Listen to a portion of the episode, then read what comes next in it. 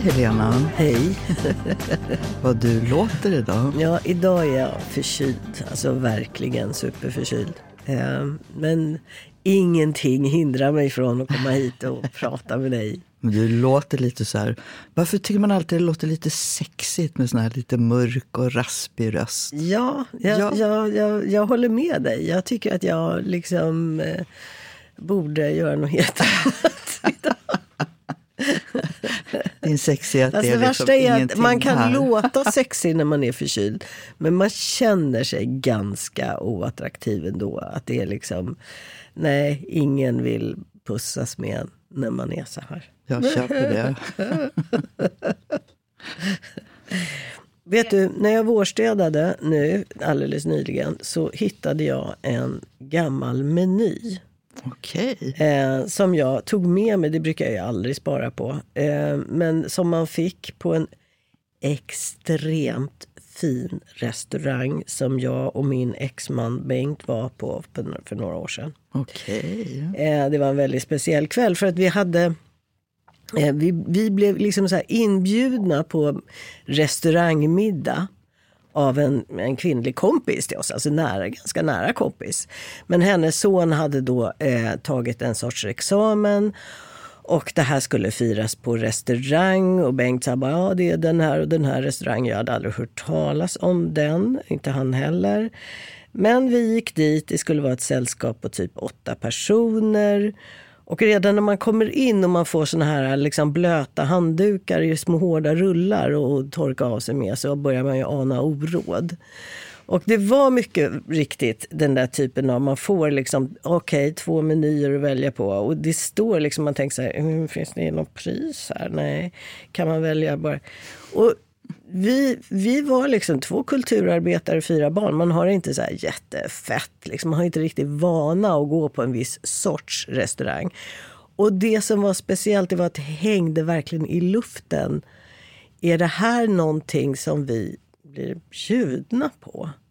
För det här var en ganska välbeställd kvinna dessutom. Alltså väldigt välbeställd. Är det här någonting vi blir bjudna på att komma och fira hennes son? Eller eh, ska alla betala var för sig? Eller vad är reglerna här? Outtalat. Vad nervös Ja, början. väldigt nervös början och jag visste ju inte ens knappt att den här typen av restauranger fanns. Och eh, när då den här kvinnan som är värd säger vi börjar med champagne, eller hur? Då nickar man ju bara, eller visst gör man? Ja, eller hur? Ja, Säger man. ja det ska vi väl unna oss. Ja. Och sen kom det då in eh, alltså den ena lilla rätten efter den andra. Jag kan inte ens räkna hur många gånger det kom in någon människa och med gravallvarlig stämma berättade vad varje rätt var. Och det kunde vara så här, nu läser jag denna meny. Havskräftor i stenbrott med majonnäs, viand och kaviar. Ursäkta, stenbrott? Ja, det låg på några små stenar. Okej. Det var väldigt nog att man inte tog fel och råkade ta en sten i munnen. Lätt pocherad rouge, eh, foie gras chaud, alltså varm gåslever, usch det ska man ju inte äta egentligen, och persik och icewein. Kalvbräss med mörklor och, och i rökt jasminblom. Vad var det ens? Pyrenela med tryffelstuvad mangold eh, under grillad bläckfisk.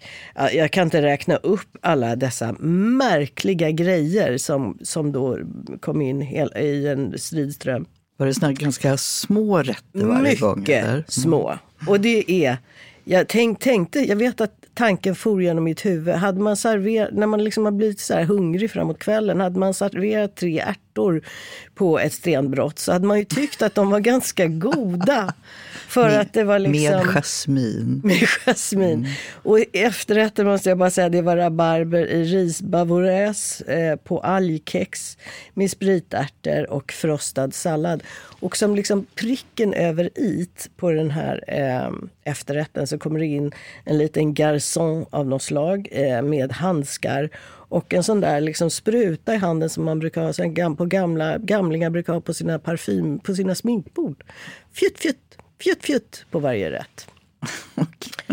Och grejen var att det här är ju som upplagt, hade man liksom jag tänkte så här, varför skrattade ingen? Varför liksom, alla satt och var så här gravallvarliga och det var som att man föll in i någon så här, ja, den här var, det här smakade ju fantastiskt. Och Bengt och jag bara skickade varandra nervösa ögonkast för att vi tänkte bara, vad kostar det här? vad far kostar det här? Det är som bara svett. Och vem ska betala? Och det började, och när, jag, när väl kvällen började avrunda och den här kvinnan säger så här liksom, med en svepande gest, jag bjuder på champagnen. Och vi insåg att våran, alltså våran gemensamma middag, hans och min middag, del av denna middag, skulle gå på ungefär 6 000 spänn. Då var jag tvungen att säga, ursäkta, jag måste gå till damrummet. Så jag går in på toaletten och sitter så här, bank på telefon. och så desperat för över pengar till det kontokort som vi hade med oss. Vi hade liksom ett gemensamt kontokort. Märker att min egen liksom, räcker inte riktigt. Så jag är tvungen tillbaka till bordet och säga till Bengt så här. Du måste också gå på Du måste också gå på toaletten. Och han bara, mm ja ursäkta. Nej, alltså den här middagen, jag bara tänkte när jag såg denna meny, jag glömmer den aldrig. Så svettig. Och ändå gick man därifrån också med lite, lite den där känslan av att ja, men, liksom, det är en sån där typ av middag man går ifrån under en ganska lång stund av tystnad. För att liksom båda är så här chockade. Vad har man varit med om egentligen? Hur blev det så här? Och Ja, och jag tänker på det här ibland för det är så det är så svårt ibland att hantera den här typen av överenskommelser och vad är det egentligen som gäller. Plus att det här med mat är ju så... Alltså jag, jag, tycker ju, jag tycker ju ofta att sådana här typer av ätande dessutom är ganska, eller väldigt larvigt. Det, för jag vet att vi dagen efter åkte vi till Italien skulle vi göra. Och då när vi satt vid någon sån här liten blåsig uteservering med sån här rangligt plastbord och du vet pappersdukar med klämmor. Och så kommer någon in med liksom pasta, typ fem ingredienser, bara varsågoda. Och man sitter och äter det där och vin i någon sån här krus. Och man sitter och äter det där och tänker, det här är det godaste jag ätit i hela mitt liv. Det var en sån kontrast. Så att det ena var ett tempel på något sätt. Där liksom, det kändes som en sån här tempel där det var någon som kom med en kollekthov som var liksom en hink. Eller något. Och det andra var liksom, ja, livet. Hur var er relation efteråt? Kände de andra av liksom, det att kändes, ni kände er Jag tror att det var en väldigt eh, det var en väldigt märklig stämning kring bordet. För att jag tror också att vi var nog inte de enda som var osäkra på reglerna kring detta. Och ibland kan det ju vara så att folk med väldigt mycket pengar på något sätt glömmer bort att andra inte riktigt har samma förutsättningar. Och jag vet att det var speciellt en tjej där som var så här, jag liksom såg så här också precis lika kallsvettig ut. Och det känns, istället för att vara den där varma, liksom, den här arma unga mannen som liksom upphov till allt det här. Det var ju någonting, det hände någonting. Jag kan inte säga att det känns som att den där, den där middagen hänger över oss fortfarande faktiskt lite grann. Men vad konstigt det är när middagar blir som en show-off ja. istället för att man verkligen vill umgås. Är det ja. inte lite så många gånger?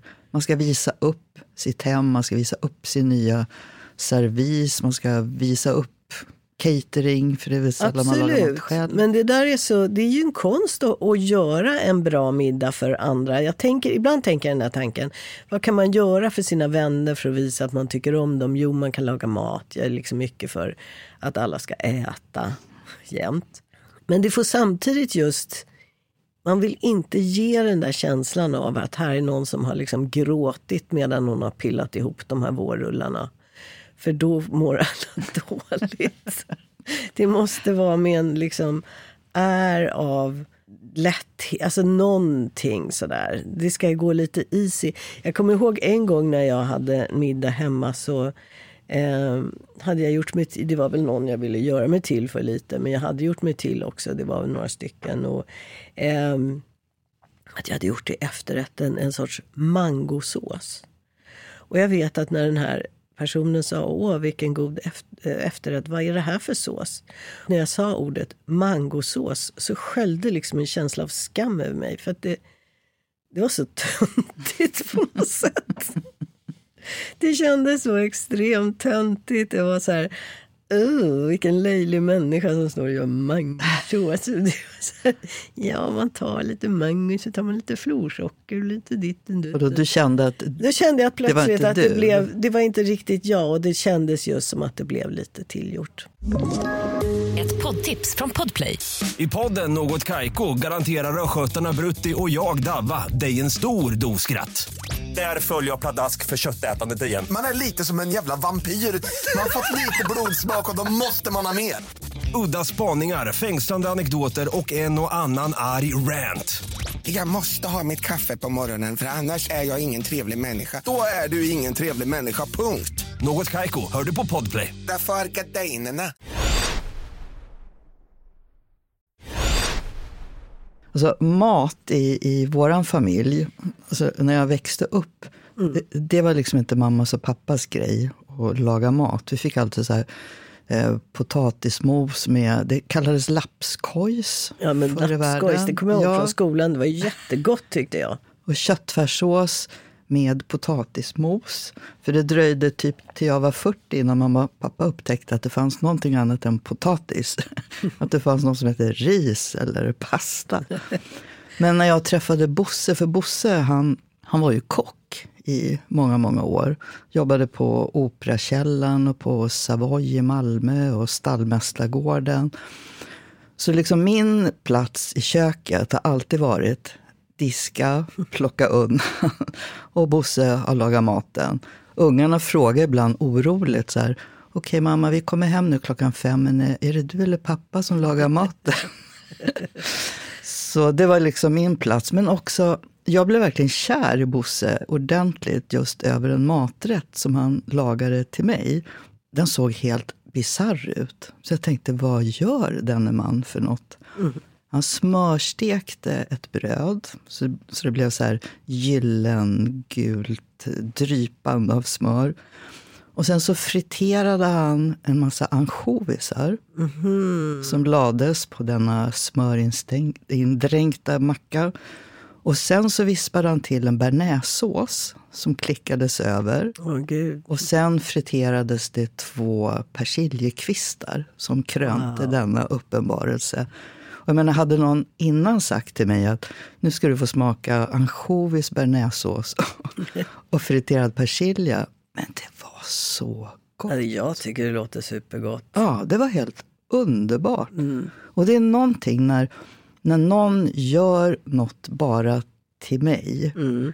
Så är det, tycker jag, den, det är en så häftig, sensuell kärleksförklaring. Mm. Eh, och bara att se Bosse till exempel ta fram en lök och så bara... Mm. Det är så sensuellt. Mm. Och det är så... Alltså jag älskar när människor som gör saker med sina händer som verkligen kan. Mm.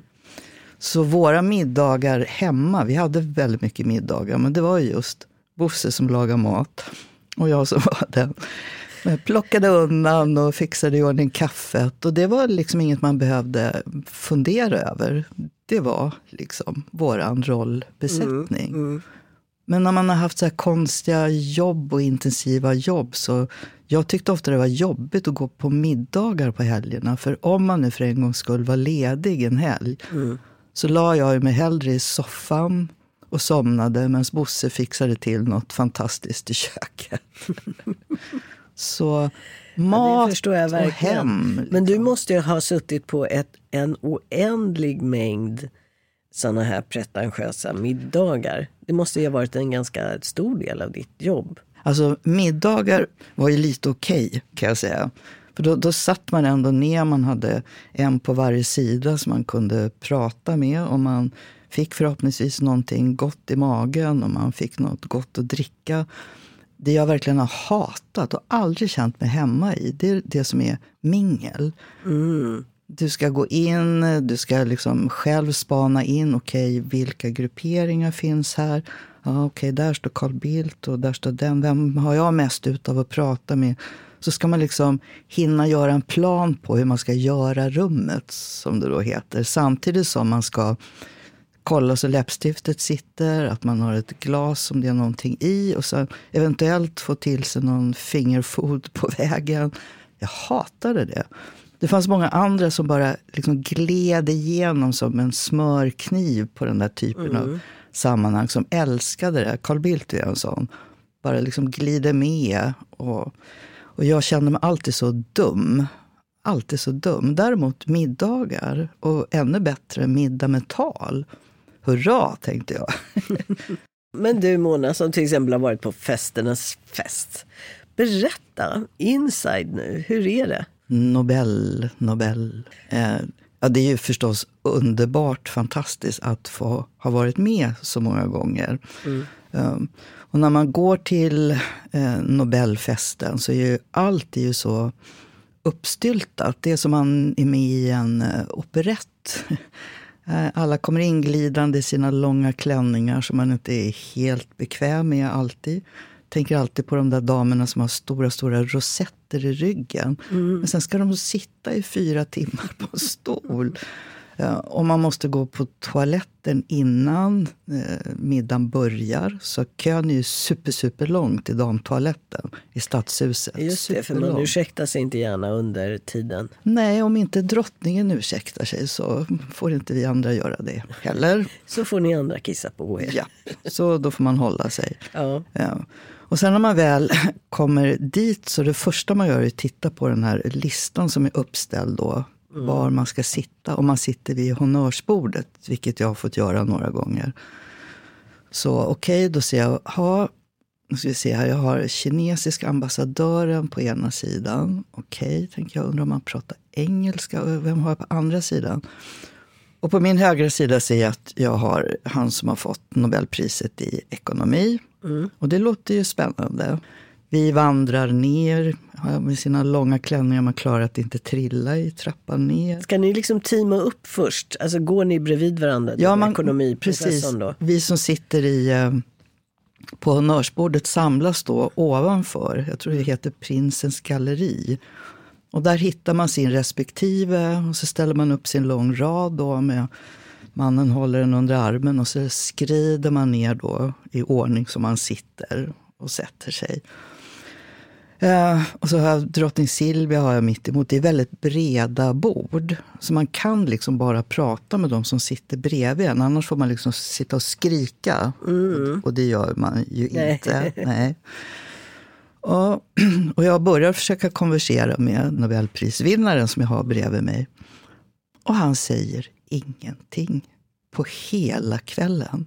På bordet ligger det utspritt så här, chokladpengar i sån här guldförpackning som mm. ska se ut som Nobelpris. Öppnar sakta, äter upp choklad, viker ihop det där pappret och lägger på bordet. Han var en ekonomiskt sinnad man. Han passar på. Och min kära då vän på andra sidan, den kinesiska ambassadören, han sa att han kunde prata engelska, men det gick absolut inte att förstå ett enda ord av vad han sa.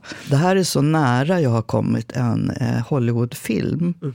Därför att den här nobelpristagaren, han spelade sen av Russell Crowe i en film som heter Ett underbart liv. A beautiful mind. A beautiful mind. Ja. Och han var ju då bipolär, han ja. var schizofren. Ja. Så han liksom gick helt upp i sig mm. själv. Ja, I alla fall det. den kvällen. Ja. Och sen så fort då drottningen och kungen reste på sig så, så försvann min nobelpristagare och jag såg honom aldrig igen. Men det, är också eh, det var också något att fundera ändå över. För den här typen av middagar är lite som din berättelse. De är ju väldigt svåra att känna sig bekväma eller att njuta av maten eller att ha speciellt kul. Mm. Eh, I alla fall inte när man sitter vid det där honnörsbordet som alla blickar på. Nej, mitt, i, mitt så här middagsideal, när jag ser det framför mig, då tänker jag ofta på sådana här typ Woody Allen-filmer eller någonting. När folk, eller maffiafilmer, det låter ju hemskt. Men, men sådana här Martin Scorsese, italienska familjer eller liksom den här typen av middagsbord. Där det serveras, åh det är mycket så här pasta, mm. det är väldigt god mat hela tiden och eh, enkel. Och sen sitter folk och är liksom sådär gapiga och livliga och det är liksom heta diskussioner fram och tillbaka och ja. äldre, min, yngre, alla olika åldrar. Liksom, allt, jag kan sitta och titta på de där filmerna och bara känna, åh gud vad trevligt. Ja. Jag såg jag älskar Gudfadern. Ja. Så typ var tredje år ser jag om alla de där filmerna. Jag, jag älskar, älskar dem också. Ja. Men just de där stora, bökiga, stökiga middagarna. Ungar springer och leker, spaghetti flyger överallt. Mord görs upp, vin dricks. Eh, någon kommer att spela fiol och Exakt. alla sjunger med. Jag har aldrig fått vara på en sån middag. Nej, det vore ju nej, en dröm. Ja, det vore en dröm.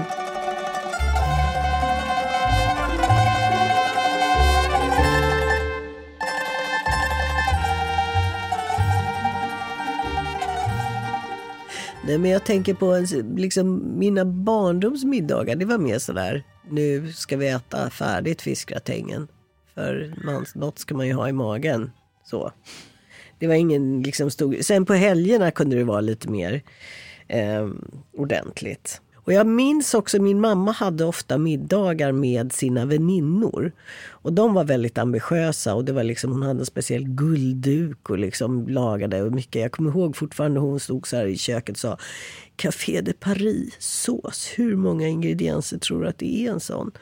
Och jag bara, äh, det vet jag inte, men det var ju hur många som helst. Men det var liksom, eh, och att de här väninnorna som hon hade, att det var väldigt intensiva samtal. Och att det uppfattade jag som någonting väldigt tri trivsamt och kul.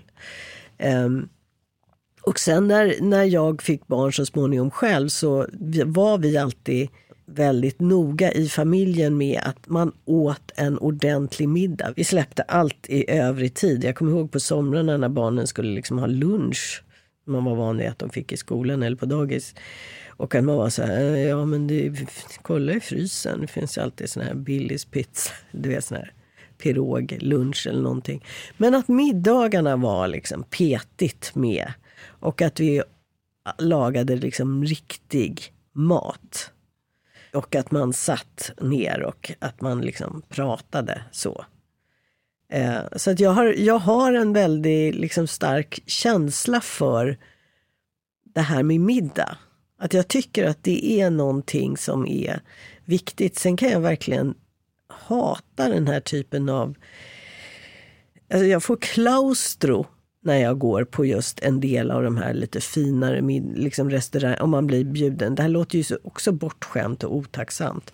Men jag kan verkligen i arbetet ibland hamna på såna här tillställningar där det, där det står någon och säger, pratar om en, på en spegel av och timbaler och liksom att jag, jag, får liksom, jag, jag får klaustro. Jag känner bara så här, jag kan inte leva upp till denna mat jag kan inte ingå i det här spelet. Det här är liksom, jag vill bara på något sätt skjuta ifrån med armbågarna och bara ge mig space här, låt mig andas, låt mig äta någonting som är på riktigt. Eller men, liksom. men vet du, jag, jag känner verkligen tvärtom när det gäller det där, någon som kommer och berättar. För, och det har väl att göra med Bosse också. Det finns en enorm stolthet hos kockarna. Jag vet. Och i många restauranger så var det Alltså han var aktiv i kockfackföreningen när han började. Mm. Eh, eh, och då var det en diskussion till exempel om att eh, det var bara servitörerna som fick dricksen. De som stod och slet där ute i köket, de fick ju ingen dricks.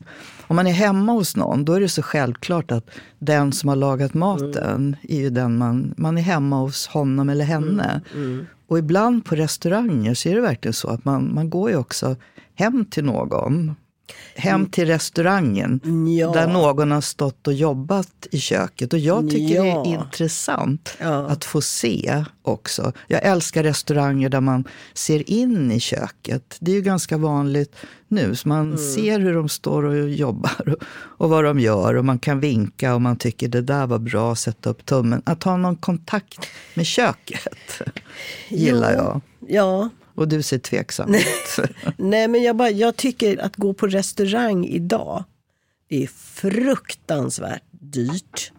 Det är inte sådär så att man känner så här, åh, här kommer jag in och är en härlig, ska vara en härlig gäst. För att det är ju också någonting, alltså det är ju en kostbar upplevelse. Självklart. Så att jag kan inte känna så här att åh, jag står i en enorm tacksamhetsskuld här till dig, fina, snälla kock som har gjort ditt jobb. Det är ju liksom, ja, förstår du lite? Ja, men det tycker jag. Då ska man väl inte gå ut, eller på att säga. Nej, men det är klart att jag det. blir jätteglad att maten är bra. Och varje gång jag gått på restaurang och verkligen tyckt det så säger jag uttryckligen hälsa och tacka och gud vad det här var bra. Ösa på, ösa på. Jag är uppvuxen med, med Bosse. Och Ja, jag bara man minns den där fighten som de verkligen hade mellan, liksom, här står vi och jobbar i köket och vi får inte alls del Nej. av dricksen. Så blir man ju Den också delen lite jag mer också, jag tycker- medveten som, som kund. Jo, men tycker jag, har barn som har jobbat på restauranger och de säger att alla delar lika. Nu är det är det det så. Mm. vanliga. Ja, precis. Så att jag känner att om man dricksar så dricksar man också kocken. Alltså det är ju en sån hierarki Ja, i restaurangvärlden som jag bara tycker det är jag vill veta mer om det. Förstår du? Jag vill Ja. förstå det där. För att när man är där som kund så blir man ju en del av hela det där etablissemanget. Och vad man säger, vad man gör, hur man re- reagerar och hur man betalar spelar ju ändå roll. jo, Eller hur? jo, jo, jo, absolut. Ja.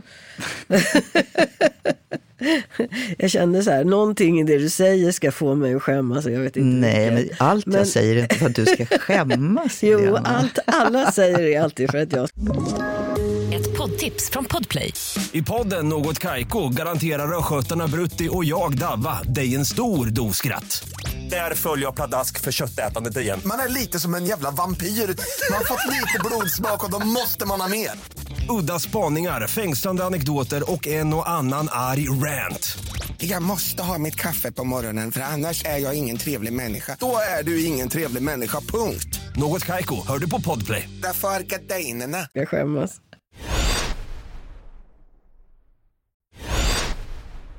En annan sak bara som jag tycker jag har tänkt mycket på när det gäller middagar, det är ju hur, hur hemmen är, är planerade. Eh, I USA till exempel så finns det ju nästan aldrig ett rum som är till för att äta i. Utan man har en sån här köksö, så är det lite pallar runt. Eh, Och det är samma hos Ann-Sofie, min dotter. Att då står folk där, hänger, pratar lite, sätter på tvn. Så går en och så sitter två kvar. Hon får kämpa som ett djur för att säga, borde vi inte ha ett matsalsbord här där man kan sitta ner och äta? Och det tycker jag man ska se upp med också i Sverige nu. För när, när jag ser bilder på nya häftiga lägenheter som man bygger nu, svindyra, mitt i stan, ganska små, så är det nästan aldrig plats för ett matbord. Och jag hoppas vi kan hålla liksom emot det där att, att det ska försvinna den där traditionen. Att man lagar mat och sen så sitter man ner tillsammans och äter och pratar om hur var din dag och vad ska vi göra imorgon. Och det är för mig liksom, det är därför vi har ett matbord. För det är då man snackar med varandra. Absolut, absolut, jag håller helt med. Det där verkar helt sjukt. Men om man då hos din, hemma hos din dotter, om ni äter middag, hur gör ni då? Ja, men då står tre, fyra står vi eh, vid pallarna. Nu har ju Ann-Sofie efter alla år kämpat till sig. Nu finns det ett matbord. Eh, Och vi köpte till henne såna jättefina från Svenskt Tenn. eh, Så att det också blir ett fint rum då, med svenska gardiner och grejer. Men det har ändå varit en diskussion alltid med, med den amerikanska familjen och med, med de amerikanska vännerna. Att mat, det rings och beställs, någon hämtar, det ställs fram en stor bunke med chicken wings och någon sås och så står alla där och plockar lite och äter. Och, det, och jag, jag hatar det. Jag vill sitta ner. Ja, jag håller helt med dig. Jag tycker det där verkar förfärligt. Men ser inte du med att det lite på gång det där? Att det också är på väg att förändras? Man, man går ut och äter på ett helt annat sätt i Sverige idag än vad det var för 20 20 år sedan. Men, Men de här stackars nya tidens slavar som cyklar runt och kör runt med all mat det, som rings och beställs in. Visst är det något som har vuxit det har enormt vuxit mycket? Enormt. Så istället för att laga mat hemma så låter vi ju någon annan laga mat åt oss. Varför har det vuxit så mycket?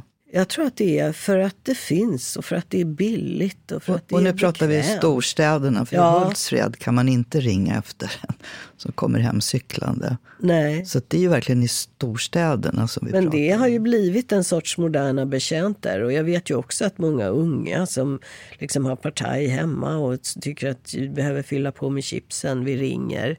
Alltså det är inte bara middagar utan man ringer ju om allt möjligt som ska hämtas men om jag har någon, någon slags liksom klasskänsla efter eh, alla år som man själv har levt så himla gott och så. Men jag har så svårt för det där att jag ska ringa. Det är inte bara att någon annan ska laga maten utan någon ska stoppa ner det där i en värmekasse och så cykla sig igenom Stockholm, regn och snö och rusk för att jag ska öppna dörren och säga tack, tack och så åker de igen. Och jag vet ju med vilka hemska villkor de har.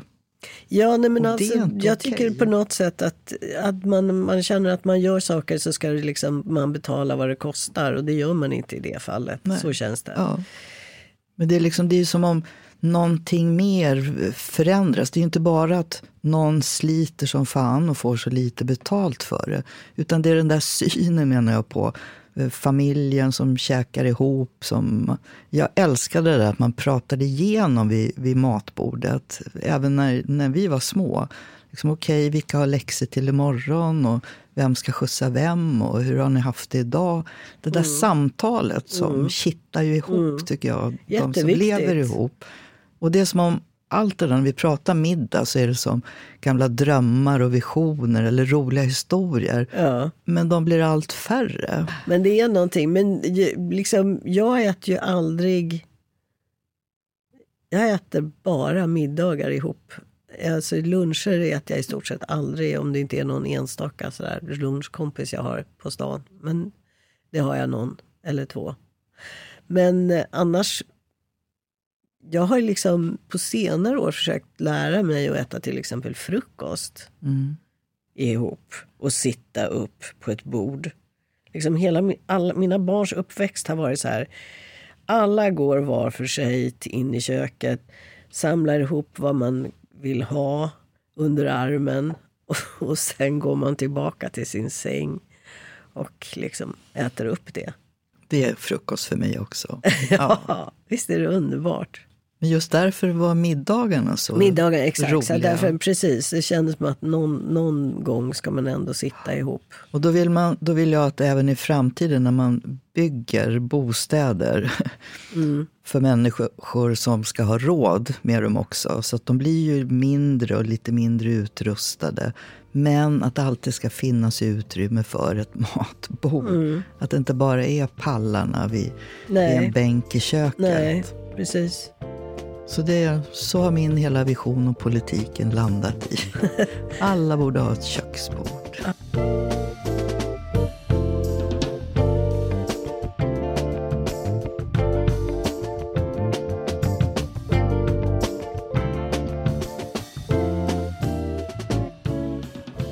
Jag får alltid såna här eh, hang-ups på, på vissa maträtter. Mm. Så då äter jag i princip bara det, nästan. Nu har jag upptäckt på det vad otroligt billigt det är att köpa en hel kyckling. Mm. Uh, alltså det kostar typ 60-70 kronor för en hel stor kyckling. Mm. Och så penslar man den med smör och soja och kryddor och så stoppar man in kanske några eh, vad heter det, citroner inuti och så bara in i ugnen. Oops, in i ugnen. Så står den där en timme, lite drygt. Och sen plockar man ut den. Så har jag mat för hela veckan. Mm. Så då kan jag, vad gjorde jag igår? Då gjorde jag en sån kyckling hel eh, och så tog jag ut bröstbiten till mig och så hade jag gjort lite couscous. Och så hackade jag massa paprika och lök som jag stekte och stoppade i couscousen. Och sen så köpte jag en liten hollandaisesås. Hollandaisesås, kan man ha det till kyckling? Ja. Jag tror det var så här fisksås. Eller hur? Snobbis. ja. Nej men det är jättegott till kyckling också. Mm. Ja. Så det är mycket grejer med mig. att Jag måste anstränga mig för att få ihop liksom bra protein att äta. För det är så lätt annars, för mig i alla fall, att jag tar två rostmackor. Och så tar jag ost eller räkor och majonnäs och så tycker jag att det var väl en bra middag. Mm. Så nu har jag kämpat mig bort ifrån det. Nu ska jag laga mat. Mm. Så det är min grej just nu. Och mitt tips också, även om man har dåligt med pengar. En hel kyckling, 60-70 kronor, mat för en hel vecka och det är gott. Får jag då säga en liten avvikande åsikt om det här? Nej. jag gör, nu gör jag det i alla fall, för jag är så tuff. Nej, men jag, alltså jag, jag, jag tycker att den där hela kycklingen är jättebra. Jag har också faktiskt börjat exakt med samma sak. Men tyvärr är ju de kycklingar som har växt upp ekologiskt och under bra förhållanden sällan så billiga. Men det blir ju billigt i alla fall eftersom det är, det är mycket kött. Även om man köper då en sån eh, som jag tycker då man ska köpa. För att man ska betala vad det kostar när, i, liksom, för att en kyckling ska få ha ett drägligt liv innan. Men jag håller med dig på det sättet. Jag tycker också att det är bra att ha. Sen kan man hålla på, man kan göra oj nu blev det en pasta och nu blev det en sallad och nu blev det just sådär couscous. Att det är väldigt eh, bra mat. Ja. Jag hade en period när jag var väldigt deprimerad och nere, verkligen. Mm. Och, och misskötte så mycket och åt bara liksom pizza och burkmat och mådde bara sämre och sämre och sämre. Så för mig blev det liksom en utväg till slut när man, jag själv förstod att jag måste röra på mig, jag måste komma ut och jag måste börja tycka om att laga mat. Mm. Även om jag var själv och Bosse var nere i Hultsfred och jobbade på hotellet. Så det, för så ser ju ofta våra liv ut, att då är det jag som måste laga mat. Så för mig blev det en väg till att må bra. Ja. Att också känna, ja, jag gör det här. Ja. Vet, I början var jag sådär, om jag tände ett ljus på kvällen, så att jag tittade på ljuset och tänkte, varför tände jag det? Det är ingen här. Ja. ja men gud, jag är ju här. Ja. Så den tanken blev samma sak. Ska jag köpa en kyckling? Bara jag? Ja, nu ska jag laga mat till mig. Så för mig är det ett jag mår bra-metod. Just att det, laga men det, mat fast ja, man är precis. själv. Ja, nej, men det har ju verkligen med någon typ självkärlek att göra. Och självkärlek behöver ju inte, liksom, man kan ju då säga, vad är det också då att tömma en chipspåse i soffan? Ja, det Nej, kan det vara. Ja, kan vara. Eller så är det någon annan sorts tröst som är mera... För jag tänkte på när du liksom sa att du var deprimerad och åt pizza och eh, skräpmat. Fanns det någonting hos dig som kände att det här det var som ett straff? Liksom, att du var inte värd någonting annat? Eller hur var liksom känslan kring det? Ja, det, det var en lång process, men jag blev så fascinerad vilken stor del maten, eller rättare sagt att göra saker till sig själv, mm. blev ett sätt att ja, men jag är värd något. Jag, jag är värd något. Eh, och jag kan göra saker bara till mig. Jag existerar inte bara för alla andra, utan också för att jag ska må bra. Så för mig var maten och att laga mat eh, inte lika bra som Bosse kan, men att mm. jag gör något för mig. Mm, för i samma veva då så fick du börja lära dig att laga mat själv eftersom ja, inte Bosse alltid fanns i närheten. Mina barn kan på ett helt annat sätt känna om jag säger kom hem till mig, jag lagar mat, så är det inte bara äh, okej, nej jag kan nog inte, utan det är ja. nu tycker de att jag lagar okej mat. Mm, mm. Ja, hur hamnade vi här då? Jag vet Helena? inte. Vi började med att jag hittade en gammal meny när jag vårstädade från en, restaur- från en pretentiös restaurang och så drog det igång. Men det kanske också säger något om att eh, mat och middagar det spelar en väldigt stor roll i våra liv. Absolut Kanske mer att det än vad gör. man tänker. Ja, nej, men det är en väldigt, spelar en, en absolut central del i vårt liv. Då ska jag hem och kolla att det är en ekologisk kyckling. Ja, Hej då! hej då.